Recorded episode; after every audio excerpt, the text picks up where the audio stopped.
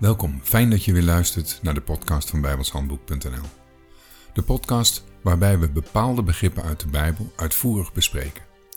En in de komende vier podcasts gaan we het hebben over het begrip de hemelen en de aarde. En ik begin met het lezen van Genesis 1, vers 1.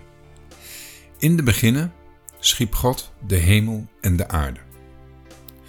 Zo te zien heeft God ooit één hemel en één aarde geschapen. Dat laatste klopt wel, lijkt me. Bij de hemel ligt het iets anders. Het Hebreeuwse woord voor hemelen is hasha maim.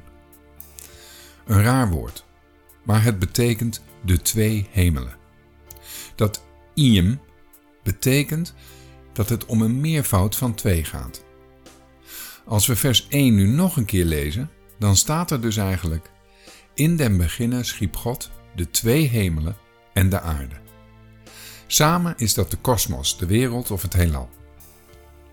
Die twee hemelen zijn de zichtbare hemelen. Zichtbaar is niet helemaal het goede woord, want die hemelen bestaan uit lucht en lucht is onzichtbaar. Als je naar boven kijkt, dan kijk je in de lucht of naar de hemel. En zo kun je ook een gat in de lucht springen van blijdschap. De eerste hemel is de hemel van de vogels. Die begint dus bij de aardbodem en eindigt ergens in de dampkring. De tweede hemel is de hemel van de zon, de maan en de sterren. En er zijn wel astronauten geweest die op weg naar de maan om zich heen gekeken hebben op zoek naar God. Hij woont immers in de hemel. En dus zou hij daar ergens te vinden moeten zijn. Nou, dan kunnen ze nog lang zoeken. Maar vinden doen ze hem op die manier niet. Daarvoor moet je allereerst wedergeboren worden. God woont namelijk niet in de eerste of de tweede hemel. Hij woont in de derde hemel, ook wel de hemel der hemelen genoemd.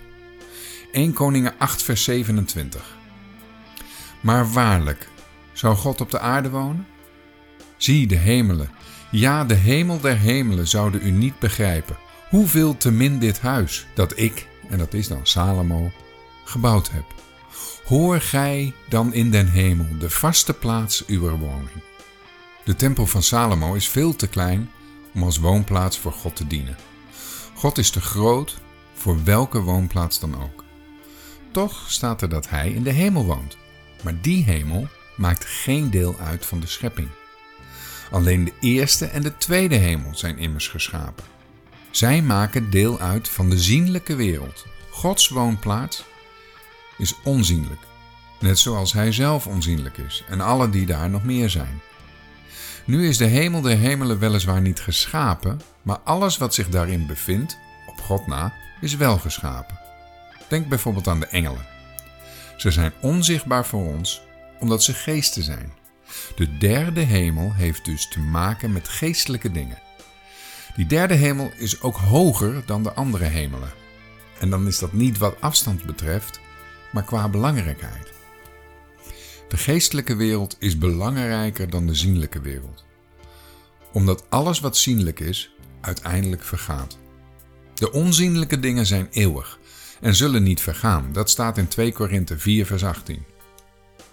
Nou ja, de Satan en zijn engelen die zullen wel vergaan, want voordat dat gebeurt zullen ze eerst zienlijk worden gemaakt. Ze worden namelijk uit de hemel gekikt waarna ze gewoon door iedereen gezien kunnen worden en dus geen geesten meer zijn. Als je gelooft in de opgestaande Heere Jezus, dan ben je naar de geest wedergeboren. Dat nieuwe leven hoort niet meer bij de oude schepping. Niet meer bij de zienlijke schepping, maar bij de nieuwe. Tot nu toe bestaat die nieuwe schepping alleen nog maar uit geestelijke wezens. En die maken dus deel uit van een geestelijke wereld. Daarom staat er ook in Filippenzen 3 vers 20 dat onze wandel in de hemel is. Die hemel is niet heel ver weg, daar kun je gewoon in de geest met je gedachten naartoe. Als je met de dingen van de Heer bezig bent, dan is je wandel in de hemel.